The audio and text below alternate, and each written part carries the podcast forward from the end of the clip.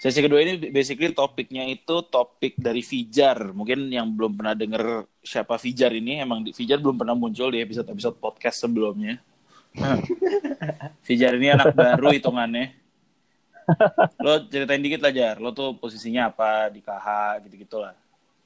Halo. Kenapa lu bisa sampai ada di KH? Wah. Aduh, duh, geledek. Aduh. Apa yang membuat lo, eh apa namanya, membuat lo singgah di KH itu gimana? Lo jelasin lah atau enggak job desk lo ngapain gitu-gitu. Jadi orang yang denger tuh tahu kayak oh ya kredibel nih orang gitu kan.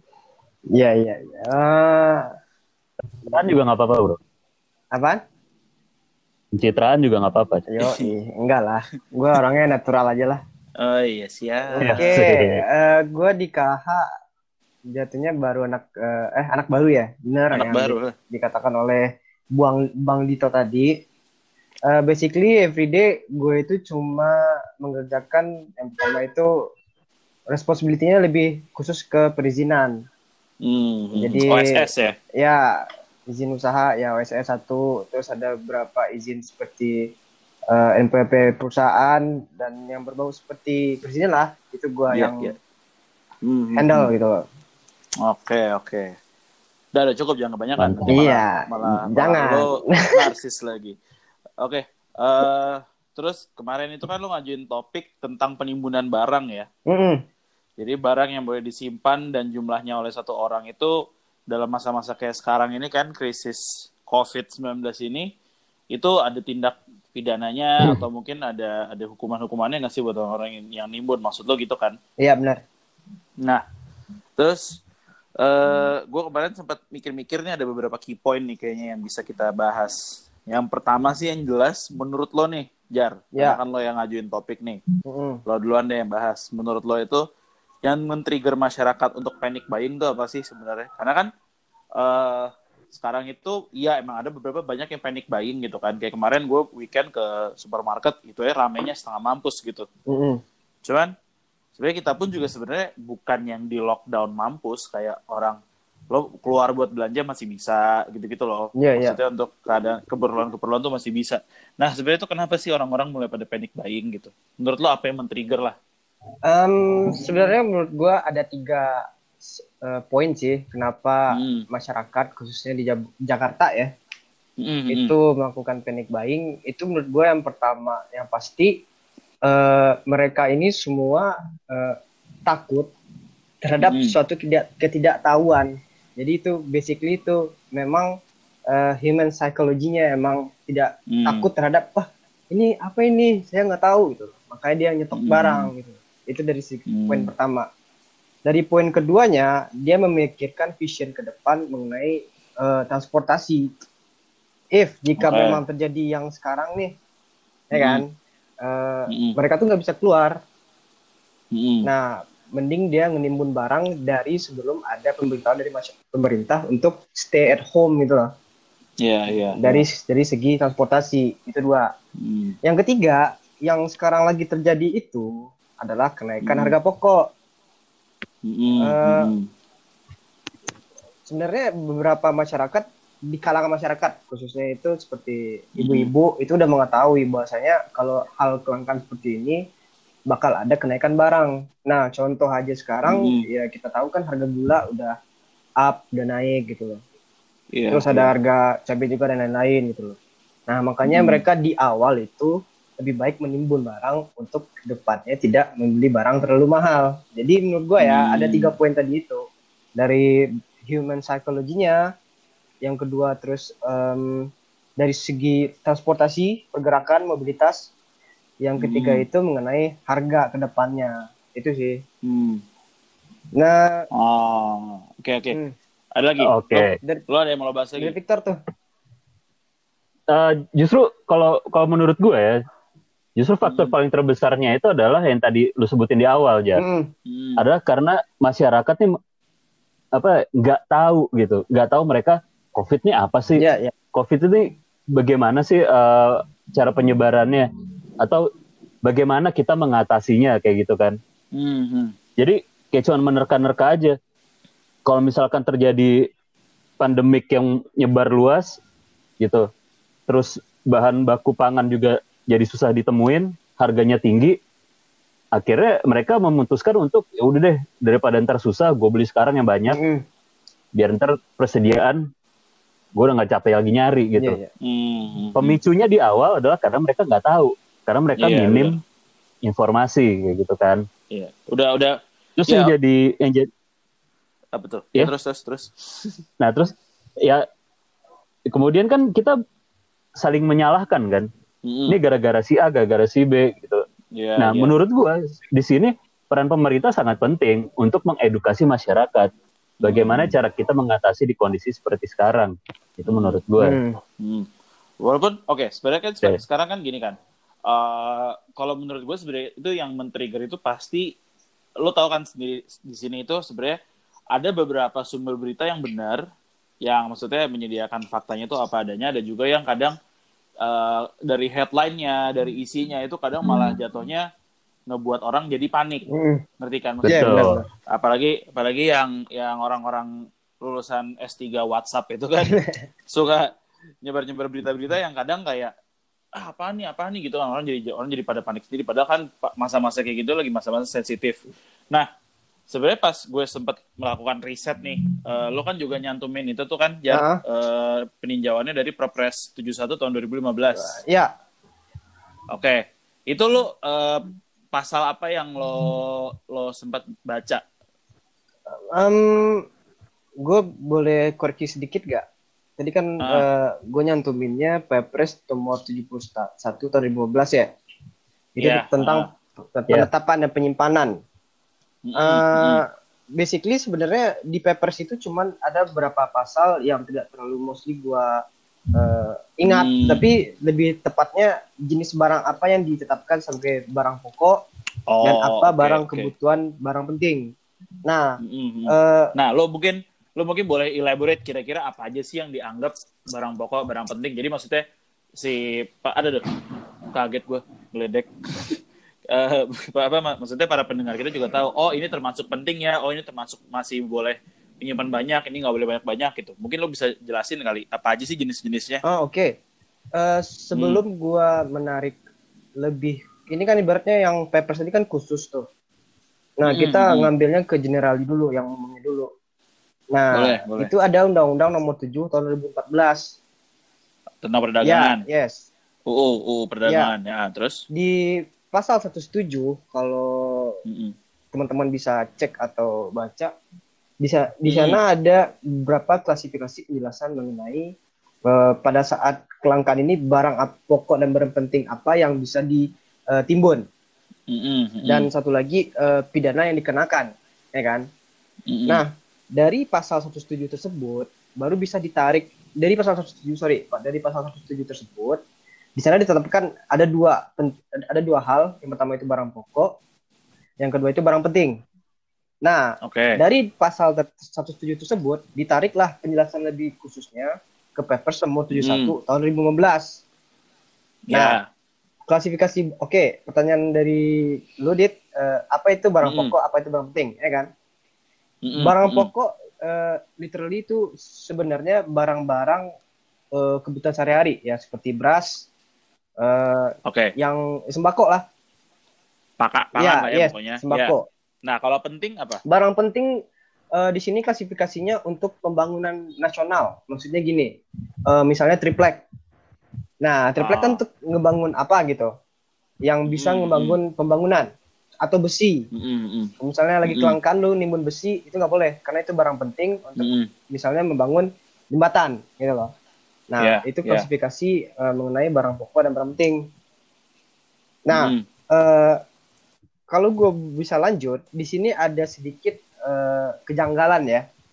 Karena Iya. di fase COVID sekarang ini, barang yang banyak Mm-mm. ditimbun orang itu adalah masker.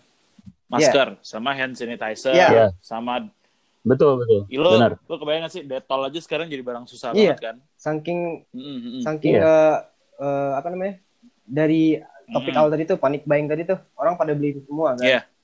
Iya, iya. iya betul Bahkan multivitamin, Bro, vitamin C iya itu harganya susah juga udah gila sekarang. Iya, naik cuy gue beli biasa vitamin C satu botol isi 30 butir itu 80 ribu. Kaget gue.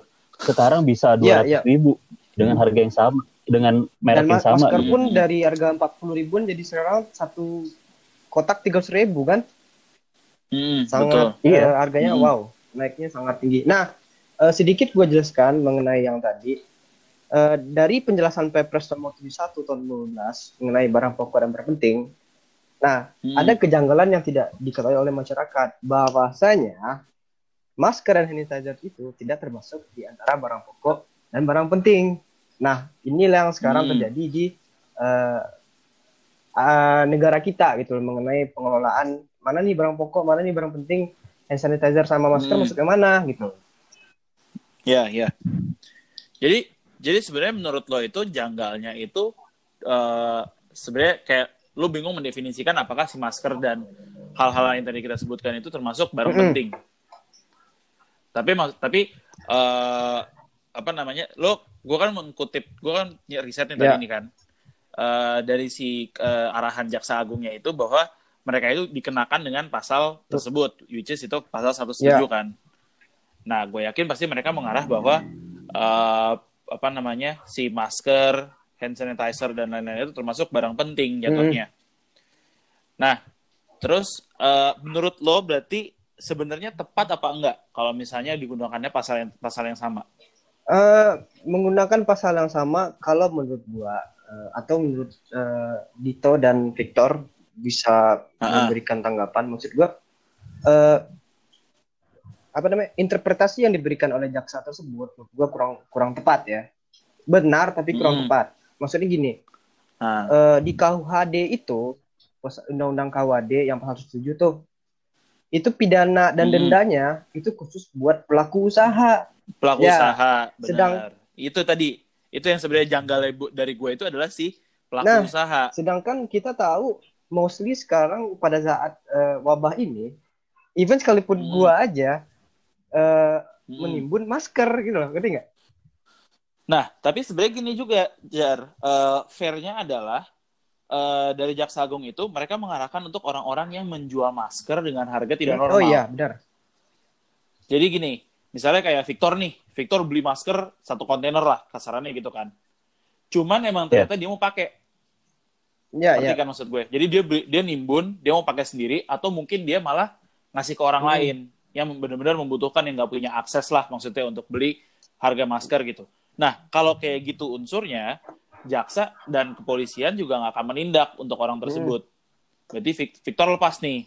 Tapi kalau misalnya Victor beli cuman dua dus, terus satu dus eh, apa, apa eh, dua lusin kan, terus satu dusnya dijual harganya lima ratus ribu buat masker, itu bisa dikenakan pasal ini Iya, gitu benar, kan. benar. Jadi tadi emang mungkin kalau misalnya buat orang-orang yang eh, baca berita atau apa, mungkin mereka langsung ngeliat, ih tapi kan pelaku usaha gini gini gini gini gini gitu kan. Terus habis itu ya, ya itu justru titik-titik pemisahnya masalah penimbunan itu adalah lo kalau misalnya beli untuk lo pakai sendiri itu nggak apa-apa. Tapi kalau buat lo jual lagi nggak boleh. Nah, yang sebenarnya gue bingung juga masalah penimbunan makanan Hmm. karena gue pas kemarin ke beberapa supermarket di Mm-mm. Jaksel itu tuh ada ada, spanduk yang kayak bilang eh, hindari penimbunan makanan, eh, hindari panic buying karena dapat pidana bla bla bla bla bla bla bla bla gitu kan. Nah, cuman di situ yang di situ menurut gue kurang tepat karena gue sudah sempat baca berita ini kan. Di situ kurang tepatnya adalah lah kalau misalnya ke orang-orang kayak kita gitu, emang kita nimbun makanan buat kita reserve di rumah, takut habis, takut kita nanti beli makanan jadi mahal, jadi susah dan lain-lain gitu kan. Apakah itu bisa dikenakan dengan pasal 107 ini?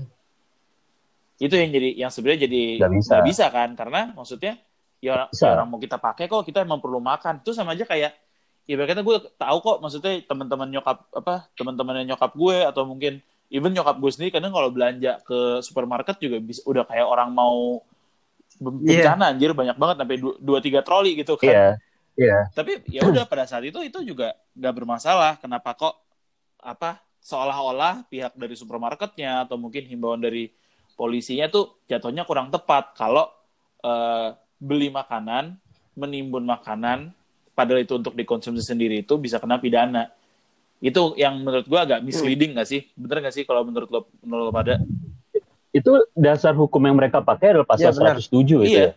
eh undang-undang Ya. perdagangan tadi kan Betul. Itu itu emang heran sih Hmm. itu emang jadi fenomena yang aneh di kalangan penegak hukum Iya, iya, makanya. Kecuali kalau emang mereka mereka apa?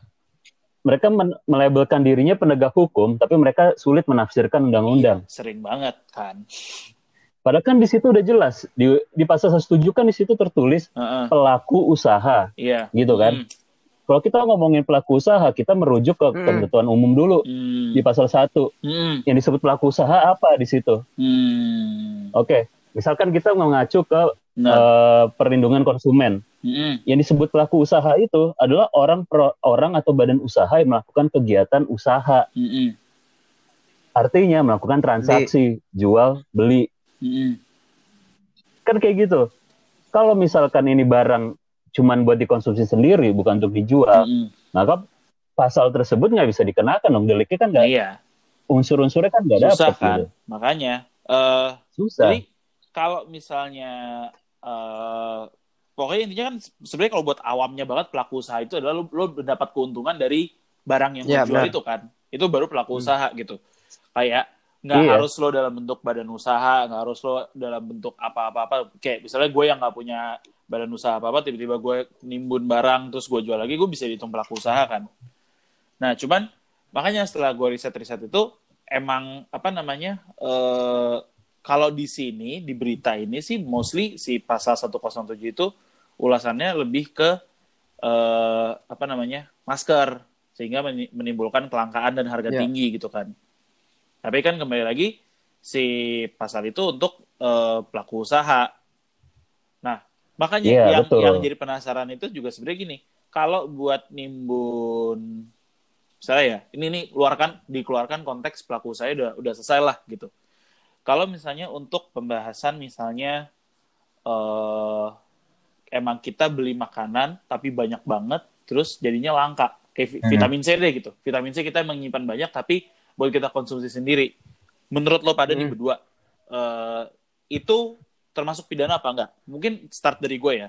enggak Nah, kalau start dari gue, gue juga menurut gue enggak. Karena ya menurut gue su- suatu hak-haknya dari setiap masyarakat untuk eh, jatuhnya ya mereka memikirin bukan mikir bukan bukan berarti egois ya, tapi maksudnya memikirkan diri sendiri kayak oh gue butuh sehat, gue butuh makanan karena emang wabahnya si corona ini kan lo butuh jaga imun, lo butuh eh, istirahat yang cukup dan lain-lain dan itu lo harus eh, lo bisa mengerjakan dengan makanan yang cukup serta vitamin yang cukup gitu kan. Nah kalau misalnya ada orang yang bilang, iya tapi kan nggak bisa kayak gitu, orang kan jadi nggak bisa beli atau apa? Mungkin kemampuan belinya sama, cuma mereka jadi susah nyari atau mungkin jadi apa, jadi apa, jadi apa Iya. gitu kan. Iya, iya. Nah itu jatuhnya kembali lagi. Nah kenapa bisa jadi langka banget gitu loh? Apakah kalau coba? Kalau menurut gue jangan jadi konsumen yang disalahin atas kelangkaan yang Betul, terjadi gitu Itu dia. justru seharusnya seharusnya produsen yang bisa mengimbangi demand Iya. di Iya, pasar gitu itu tugas Kan mereka tetap hukum gue nggak ngerti, gue lupa sih ya. Supply apa hukum ekonomi kan supply kan sama demand kan eh, Iya. berikatan nih. Iya kan? Ya, iya maksudnya, Iya. eh, of course gue yakin kalau misalnya ada beberapa beberapa produsen yang mereka juga kewalahan, kita juga bukan yang nggak ngerti ya, kayak eh, hand sanitizer, terus masker gitu-gitu, mereka kewalahan kan, karena demandnya tiba-tiba melonjak tinggi banget, sedangkan mereka eh, sumber daya terbatas banget gitu loh. Nah, Iya. jatuhnya menurut lo nih, ini jatuhnya udah masuk ke Hmm. opini ya, udah masuk ke opini, Iya, iya. eh, apa namanya? Kalau untuk menanggulangi itu azan Azan dari, dari ya? tempat gue, sorry. Kosan nih, nggak apa-apa lah. Ya, ini pendengar udah tahu kita kan rekamannya Iya, iya. online. Jadi sulit menang Iya. di, di di rumah masing-masing Iya, su- sulit menanggulangi suara-suara yang tidak diinginkan. Yang penting suara jelas. Nah, menurut apa jatuhnya menurut kalau kita opini itu lo apa sih yang bisa dilakuin dalam hal-hal kayak gini? Konsumen nggak bisa disalahin. Maksudnya mereka juga eh, ya kalau untuk yang beli buat dikonsumsi sendiri ya. Tapi kalau Iya. untuk menanggulangi si kelangkaan barangnya ini vitamin C lah, mungkin eh, apalah makanan dan lain-lain gitu kan. Itu apa sih yang bisa dilakuin gitu loh? Menurut lo kayak gimana? Eh, Siapa dulu nih Jar? Lo Fijar gue ya? gue lupa, nunjukin. Siapa? Fijar deh, Fijar duluan deh. Gantian. Fijar dulu, Um, Jar, Jar. Cara menanggulangi kelangkaannya. Mm-mm. Maksudnya dari masker lah, Hmm. hand sanitizer lah, makanan lah, atau apalah. Menurut lo nih, kan sebenarnya kalau dalam kondisi kayak gini kan harusnya setiap orang itu Iya, bantu membantu kan. Yang mampu membantu Iya. yang kurang mampu. Terus abis itu dari segi yang produsen dan polisi dan pemerintah bisa membantu untuk Hmm. monitor kan. Maksudnya pembatasan pembeli atau gimana gimana. Nah, menurut lo tuh apalah yang ada di pikiran? Skemanya? sebenarnya untuk eh, masker sendiri ya, sebenarnya udah jalan sih. Kalau Hmm. lu pada udah pernah beli masker ke Kimia Farma tuh, Kimia Farma kan Mm-mm, sekarang mm-mm. kan, mereka ya, udah pembatasan kan. misalnya satu hari Hmm. nih, lu boleh beli itu cuma dua masker dan pembeliannya harus menggunakan pendaftaran eh, KTP. Nah, per hari ya, Hmm, bukan hmm. eh, maksudnya satu hari itu bisa balik-balik lagi gitu, kan? Itu untuk masker Iya, dan iya, iya, sanitizer benar. sih. Nah, untuk makanan Hmm. sendiri, gue juga belum pernah pergi ke supermarket untuk eh, panic buying ya atau stok ya. Tapi Mm-mm, eh, mm-mm. Iya. untuk eh, pembatasan makanan, menurutnya kalau menurut gue emang lebih efektif dari aturan sih sebenarnya. Karena yang sekarang Hmm, kita iya, iya. rasakan itu tidak ada, sorry, tidak ada aturan yang sangat tegas mengenai berapa eh, kuota makanan yang harus kita beli, kuota barang yang kita beli. Contoh, Mm-mm. beras ya per orang itu harus 10 kilo maksimal. Iya, Iya, itu dan- belum sih, itu belum. balik Dan dan Iya. eh, sorry sorry gue potong. Dan to be honest sebenarnya juga eh, untuk makanan gue sih ngelihatnya ya di daerah rumah gue itu masih available banget. Maksudnya kayak lo beli beras masih ya gampang, masih maksudnya bukan berarti yang emang sampai susah kayak kejadian isi masker dan Mm, hand Iya, sanitizer.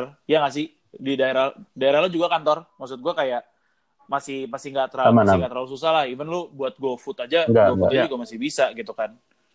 Iya, Hmm. benar. Nah, apa namanya? Eh, ya kan ya coba eh, menurut lo gimana lagi, eh, Jar? Yang enaknya, maksudnya yang kira-kira menurut lo bakal efektif nih untuk meredam takutnya nanti ada lonjakan gitu-gitu. Ya sebenarnya basicnya kalau lu kan kita kan menanya, menanya mencari find out ya opini mengenai eh, Hmm, bagaimana cara Betul, betul. membatasi kan pembelian per individu hmm, hmm, yang di mana itu termasuk kita bertiga juga gitu ngerti nggak? Iya, iya. Eh, benar, basically benar. sebenarnya eh, itu kalau gua ya itu emang gua menahan diri gua kalau memang ya gua cukup beli beras di supermarket cuma 10 kilo ya why not?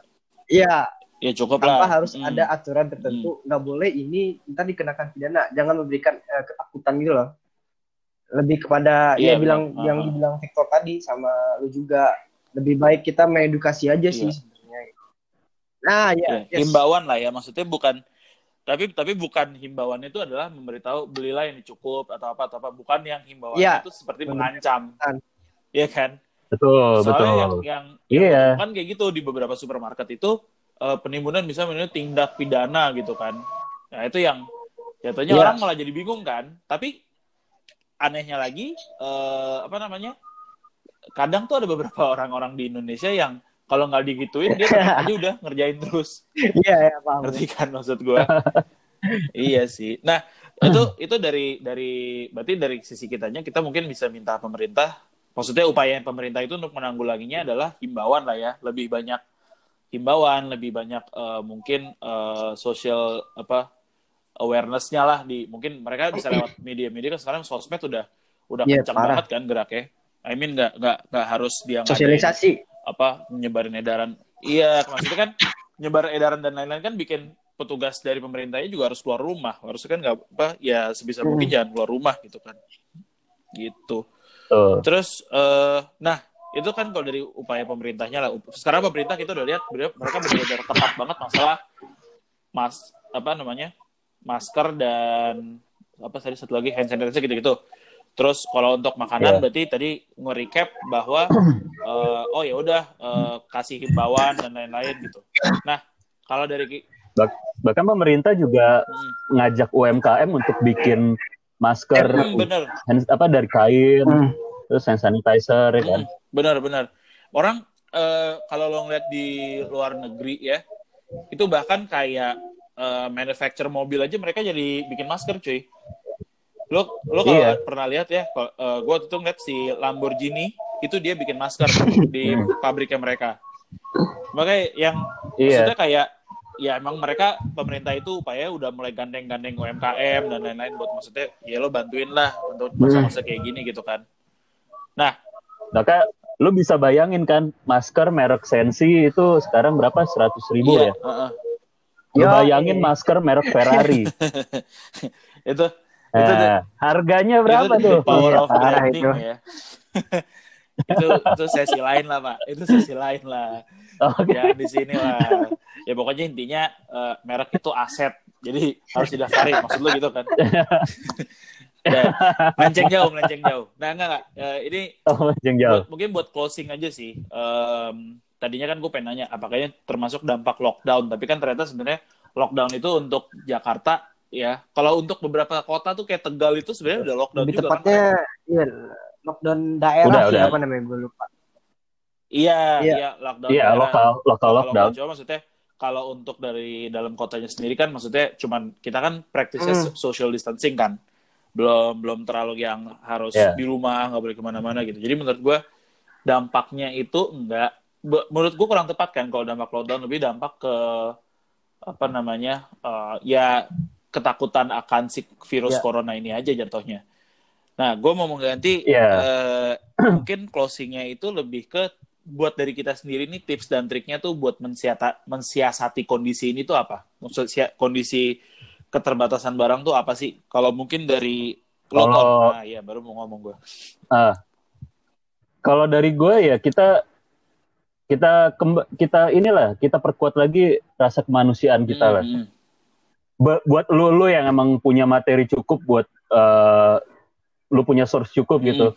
Lu pikir di di luar sana masih banyak yang Betul. membutuhkan eh, pasokan sembako atau itu masker, hand sanitizer Hmm. atau bahan baku pangan. Hmm, hmm. Jadi ya tolonglah tahan diri untuk membeli secara besar-besaran. Iya benar. Hmm, hmm. itu untuk kita sesama masyarakat.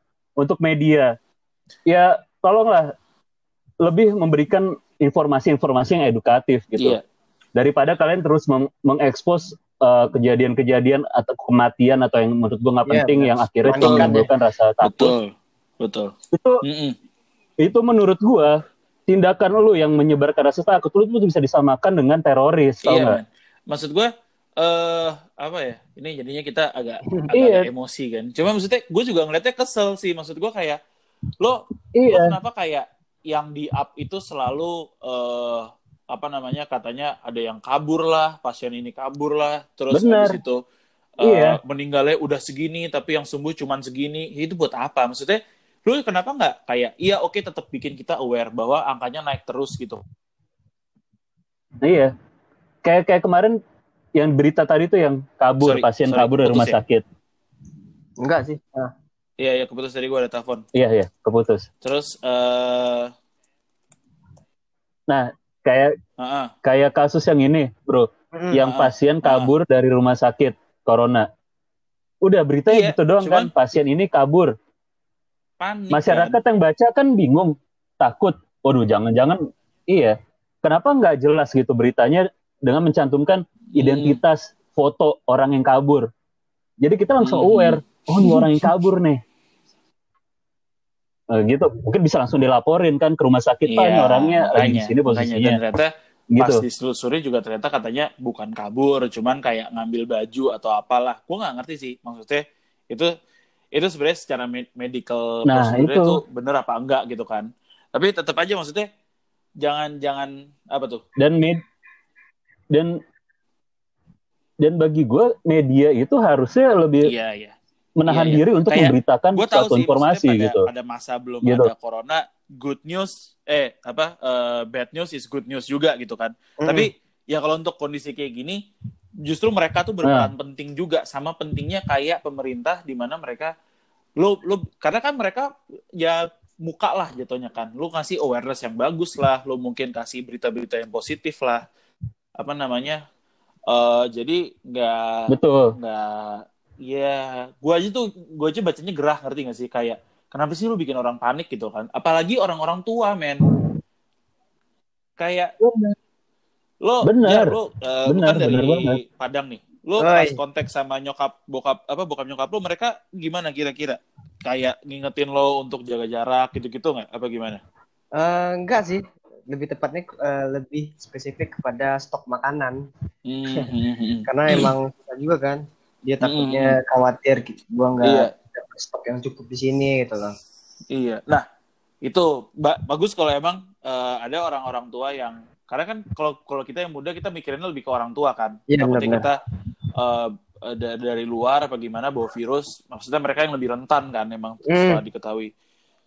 Nah, mereka udah Iya, iya, iya. Tua. Resiko Nah, kematian justru lebih banyak mereka yang udah tahu udah tua. mereka tuh paling rentan.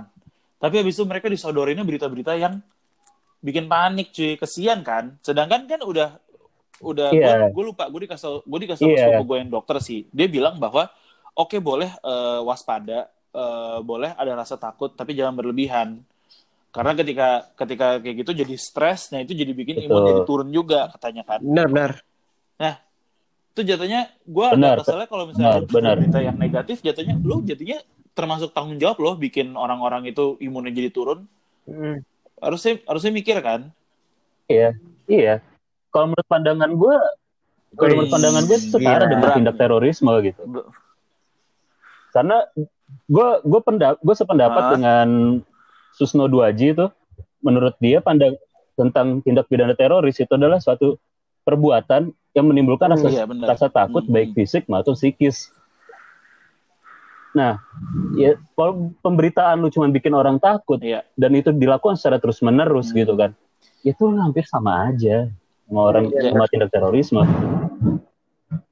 Mungkin tujuannya adalah Iya. meningkatkan rasa aware, tapi Yang coba lah memberikan lain. Gua rasa tuh ngeh yang kok, dewasa kayak salah gitu. satu platform Iya. chat di, di yang kita biasa pakai kan Hmm.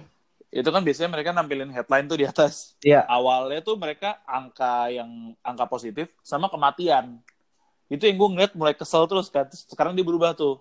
Angka positif sama angka yang sembuh. Nah kan kalau gitu kan orang lihat kayak lu ngerti gak sih kayak oh ya ada harapan oh ya masih Bener. yang sembuh kok nggak cuma yang meninggal doang gitu. Nah itu kan lu ningkatin moral Bener, ningkatin bener. imun. Ya maksudnya lu kalau udah lagi kalah-kalah kayak gini kita aja WFH kerja di rumah udah mulai frustasi kan.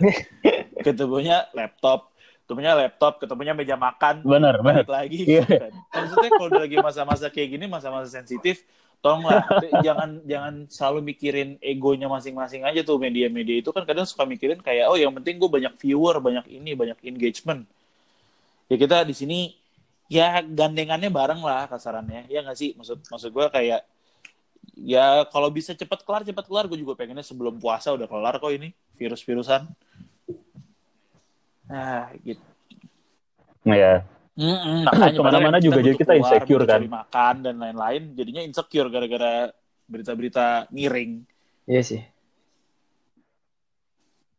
Gue gue aja nih ya di jalan bawa motor, orang yang di depan gue naik motor bersin, gue mikir dalam hati gue, anjir, corona kagak nih orang, anginnya kan ke belakang panik kan. sih itu lu lu lu gimana jar lu ke mana-mana pakai kereta kan iya. Nah, sekarang Iya. udah enggak sih udah tiga minggu juga kan. Dan per hari ini kalau lu pada baca berita kan untuk transportasi umum di Jakarta itu dibatasin bukan dibatasin, batasin satu memang jam Hmm. Ah. jam masuk keretanya dan lain-lain.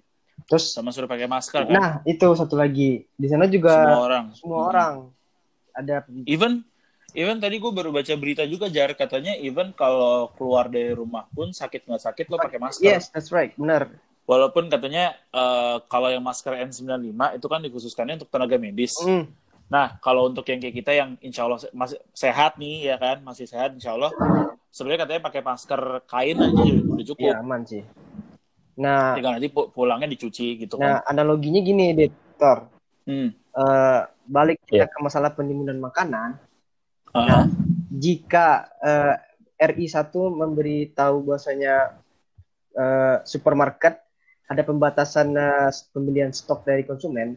Nah, mm, itu bisa juga terjadi seperti yang lagi sekarang terjadi untuk pembatasan wak- waktu kereta nih. Terus eh, setiap Hmm. keluar harus pakai masker. Analoginya sama kalau eh, RI 1 me- menghimbau untuk setiap supermarket itu tolong dibatasi ya pembelian konsumennya. Jadi ada Hmm. aturan bijak yang oh ini memang komando dari RI 1 loh gitu. Kalau sekarang Iya, kan iya, bener. kalau sekarang kan kalau kita lihat nggak ada standar spesifik berapa barang yang lo mau beli. Contohnya gua, gue bisa aja dong beli beras 50 kilo di supermarket. Karena nggak ada Hmm. aturan yang sangat strict itu dan tegas itu gitu loh. Hmm, hmm. Dan yang Iya, iya. dan yang kedua itu Iya. eh, mengenai poin tambahnya yang satu lagi itu mengenai eh, ini yang lebih banyak disorot itu kan kebanyakan pelaku usaha ya.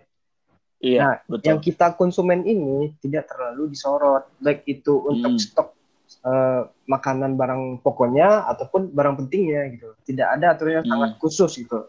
Sampai-sampai Hmm, eh, kalau pada dengar berita Bu Risma itu hmm. sempat diperiksa eh, polisi karena nimbun masker. Padahal tujuannya emang socialize kan, membagikan. Iya, dia dia nimbun masker itu buat ngasih ke yang eh, kurang mampu Bener. yang nggak punya akses Yes. gitu loh. Jadi di sini ada Hmm. ada apa namanya? Khususnya bagi law Nah. enforcement ya. Itu ada obs- Hmm. obscurable jadinya kalau dia memang pidana Hmm, kok kabur ya? Kok maksudnya ini gimana gitu loh. Ambiguitasnya jadi nimbul. Sedangkan kita law enforcement gitu yang gua bingung gitu. hmm. Iya, iya. Ya, lumayan, lumayan. Lumayan. Rumit Tapi ya. emang emang pelik juga sih jatuhnya. Maksudnya eh, apa namanya? Ya kita di sini berusaha menimbulkan awareness saja masing-masing jangan eh, terlalu mikirin gimana ya. Maksudnya emang kita belum kata tadi setelah setelah rangkuman yang lain kan jatuhnya emang nggak ada pidana untuk konsumen gitu kan. Tapi maksudnya kita sebagai konsumen juga harus bijak juga. Jangan berarti kayak ah ya udah kan nggak ada pidana orang mau gue pakai Iya, sendiri kok benar. gitu kan. Pikirin juga yang lain gitu kan. Bagus-bagus. Ya, ya. Itu Maksud gue bagus-bagus. butuh kesadaran diri lah. Niat mulia gitu kan kayak enggak gue beli banyak karena gue mau ngasih yang mungkin eh, susah kayak mungkin ada tukang sampah, ada yang eh, apa namanya kayak Gojek-Gojek itu kan mereka juga orderannya jadi tambah sedikit kan. Hmm. Eh, terus eh, mungkin eh, Iya. ya hal-hal kayak gitulah kalau emang lu tindakannya untuk sesama kemanusiaan nggak masalah gitu kan untuk driver-driver ojol terus mungkin emang yang mereka kurang mampu kurang punya akses why not gitu cuman kalau untuk buat dipakai sendiri dan ternyata emang pada mampu ya yang bijak aja lah pembelajarannya Hmm, iya sih. Benar banget. gitu Tapi terakhir sih dari gua masukan sih. Tadi kan dari Victor tuh udah masukan untuk sesama konsumen atau masyarakat tuh. Terus ke media, Hmm, media tadi Victor juga udah ngasih tahu. Ya. Nah, Hmm. dari gua sih lebih tep- lebih menjurus kepada pesan kepada law enforcement kita, penegak hukum kita di Indonesia, baik itu polisi Iya. kah atau hakim, jaksa dan lain-lain. Uh, hmm, pesannya sebenarnya em, jangan memberikan suatu kekosongan hukum tanda kutip. Sekarang kan Iya. kita nggak nggak tahu nih ini Hmm. konsumen misalnya kayak gua beli barang banyak itu dia dipidana apa enggak. Nah Mm-mm. dia kan berasumsi kan, sedangkan di dunia hukum itu adanya cuma interpretasi penafsiran. Nah Betul. itu yang pertama. Yang kedua eh, kalau misalnya satu orang contoh ambil gua aja membeli Hmm. nyetok barang banyak dia itu sebenarnya logiknya opini gue itu nggak bisa dipidana karena kalau kita menarik eh, secara teorinya itu ada ada namanya kalau lo pada ingat Ste- Stephen Bow teorinya dari Hans Kelsen bahwasanya kalau Ah, teori berat berat berat Kalau- lu undang ini gini maksud gue gini kalau Iya, iya, lanjut lanjut lanjut kalau lanjut lanjut kalau undang-undang kalau undang-undang umum undang-undang Hmm. umum eh, Hmm. ada kekosongan hukum bahwasanya kan kita harus fact finding dulu tuh pencarian hukum yang tepat betul kalau pada saat ini masyarakat eh, melakukan stok barang, ya dia nggak Hmm. bisa dipidana karena kalau secara norma undang-undangnya saja di pasal Hmm. 28 Undang-Undang Dasar tuh huruf J di sana ada Ya. hak untuk hidup gitu. loh. Jadi Benar. dia dia membeli barang, nyetok barang karena Itu ada hak hak dia untuk juga. hidup. Mm-mm. Yes, that's right. Kenapa Mm-mm. menurut gua di sini ada kekosongan gitu. loh. Dia nggak bisa Hmm. semena-mena dipidana aja atau dikasih denda. iya Tapi otherwise kalau Hmm. ada aturan ketat misalnya Mm. yang gue bilang tadi sebelumnya bahwasanya eh, dikasih aturan supermarket itu membatasi pembelian untuk berapa kilo untuk beras dan lain-lainnya. Nah, Mm. baru itu baru match ketemunya permasalahan Mm. dan eh, logic law-nya. Iya. Kalau sekarang kan kita terstruktur tahu, lah ya kan Iya, terstruktur, maksudnya kalau right. kalau udah keluar udah terstruktur kalau sekarang kan masih belum masih awam banget gitu nah, lu beli 50 kilo nggak apa-apa, lu nggak beli sama sekali bagus Iya. banget gitu. betul betul ya sebenarnya eh Cuma kecuali kalau misalnya polisi, poli, apa law enforcement yang nangkep nangkepin orang nongkrong itu gue setuju sih. Ah, itu itu gue setuju. Udah udah tahu dikasih tahu jangan nongkrong, mik- mikirin orang orang tua di rumah gitu kan. Iyalah, masa harus Jangan sampai kayak di India lah harus di, itu. masa harus dikerasin kayak gitu. Digebukin pantatnya. gue tahu sih maksudnya even even eh, kayak orang tua orang tua kayak tante gue om gue nyokap gue apa orang tua gue pada ngomong orang Indonesia tuh mesti dikerasin susah kalau dikasih kebebasan gitu kan iya bener sih cuman maksudnya masa mau stuck sama stick apa image kayak gitu terus gitu kan. Bo ya kalau udah dikasih tahu dengan baik-baik tuh ya nurut. Ngerti gak sih maksud gue ah pusing gue kadang-kadang. Tapi ya bener bener kayak kata Fijar tadi sih. Eh, mungkin bisa lebih dibikin eh, apa ya pengaturan lebih terstruktur juga. Dan dari si pihak pemerintah gitu cuman dari pihak dari masyarakatnya sendiri ya tolong maksudnya kayak kita punya awareness juga lah. Jangan yang ah tapi kan nggak diatur ah tapi kan nggak diatur gitu Iya, iya benar, emang emang nggak diatur cuma maksudnya alangkah baiknya kan nggak usah nunggu diatur lu bisa mengatur diri sendiri iya yang ngerem lah kasarannya gitu Membatasi diri ya. Tuh. Victor ada pesan-pesan terakhir mungkin Benar, benar. sebelum sesi kita su- disudahi gitu kan. Nanti kalau kelamaan pada ngantuk orang-orang. Ya, Benar sekali. nggak ada Tapi sih. dari gua Semua ada pesan gue sudah tersampaikan. hari ini. Apa tuh? Apa tuh? lu ada lu pernah dengar nggak eh, di berita bahwasanya listrik digratiskan? Enggak. Iya iya gue pernah gue gue nggak tahu tuh gimana sih mekanismenya gue juga nggak ngerti. Ah. Nah, ternyata eh, menurut gue itu suatu tindakan yang sangat cemerlang dari pemerintahan supaya pemerintah eh sorry eh, masyarakat stay at home ya. Mm-mm, mm-mm. Nah, tapi tidak ada at- eh, ke- apa namanya aturan jelas itu yang dapat gratis siapa aja gitu loh. Maksudnya syarat dan Oh. ketentuannya pasti berlaku. Menurut gue itu Waduh. aduh, kenapa dikasih gratis kalau misalnya ada syarat dan ketentuan gitu loh. Eh, itu Anda kok mau lempar jokes itu mana jokes lah itu ya. ada. Saya nungguin nih jokesnya di mana. Menurut gue itu jokes banget anjir. Masalahnya dikasih gratis tapi masih ada syarat dan ketentuan gitu loh. Oh, jo lo lawakan lo berat ya. Lawakannya berat ya. Oh. Lawakannya yang yang receh Iya, atau iya, apa iya. gitu kan. Emang ada berat berat juga. Gue gak ketawa soalnya, sorry banget nih. Ini nggak apa-apa, nggak apa-apa. Ya, Ada, iya, iya. aduh. Ada syarat dan ketentuannya rupanya ya. Nggak tahu gue. Nggak Kalau boleh tahu apa itu syarat dan ketentuan? Oh, bel- belum jelas Apa itu isinya? emang, yang itu. Oh, Iya. seingat gue, buatnya- seingat gue itu dibatasin, untuk kan. yang 450 Katanya gitu. volt sampai Ah, ya 900. sudahlah. Sudahlah, Iya. dilupakan saja. Ya wes, Eh, mungkin sekian Iya. juga dari gue Dito, Fijar dan eh, Victor. Mohon maaf kalau ada salah-salah kata. Asyik. ya habis, ya bener kan Jar. Iya, iya, udah, iya.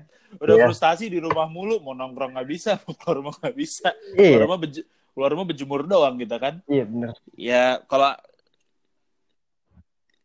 Iya. Pokoknya kalau dengerin kita bertiga lagi ngomong Open-minded jangan only. baper lah. open minded only. Ya kalau Intinya. ada masuk kalau ada masukan Jika Ya, jika kalian nggak tersinggung gitu, itu bukan salah gitu. kami, itu salah kalian. Kak, Apa tersinggung? Anda itu bertindak atas nama kontrak hukum. Gitu. Di sini kontrak hukum maksudnya Ya. untuk mengedukasi, membuat awareness. Iya iya iya iya iya. Kita tujuannya baik gitu. Benar. Eh, ya udah. Eh, kalau ada masukan atau mungkin kalian ada topik-topik juga kayak sebelumnya kita pernah bahas juga sama Victor, eh, boleh dikirim DM at apa Instagramnya? At kontrak hukum. Nanti eh, DM aja mungkin ada topik. Kontrak eh, hukum. Min bahas ini dong, bahas itu dong gitu kan. Atau mungkin juga kalian podcast kurang ngebahas bagian ini deh gitu kan. Nanti kita sempurnakan. sempurnakan. apa tuh? Oh iya. Gini, Dit. Eh, kontra hukum nih rencananya Hmm, mau hmm, hmm, bikin betul betul betul. eh, channel untuk online class. Nah, kalau Enaknya bisa kita apa? minta dong masukannya dari teman-teman semua pendengar. Kira-kira Betul. topik apa sih? Iya, topik, apa sih yang enak buat dibahas ada gitu. punya masukan Kita butuh masukannya juga, gitu. buat online class kali ya kayak ah, ah, ah, kayak ah enakan pakai ini min lebih, Ah, lebih gampang ya. lebih nggak lemot lebih nggak apa gitu kan nggak apa-apa mo- monggo aja maksudnya kita punya ada pilih kita ada pilihan tapi kalau ternyata lebih banyak yang lebih suka mungkin pakai kasarannya bisa pakai Google apalah atau apalah ya mungkin kita bisa jadi uh, Yeah. pindah ke situ juga gitu oke Betul. eh, sekian sekian sekian sekian Betul. thank you banget semuanya buat yang udah Oke. dengerin Thank you. Thank you guys. Thank Yes, you Fijar, yes. thank Thank you Dito, guys. thank you See yang you on udah dengerin. podcast ya Iya sih, that's podcast. Thank you.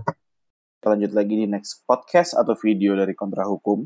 Kalau mau tahu update-update info hukum lebih banyak, bisa langsung follow kita di @kontrahukum biar dapat reminder. Terus nih, kalau misalnya mau tanya-tanya lebih detail lagi, untuk kita itu kayak gimana sih? Bisa aja. Eh, kita sediain online konsul juga kok. Langsung aja visit ke website kita www.kontrahukum.com. Thank you.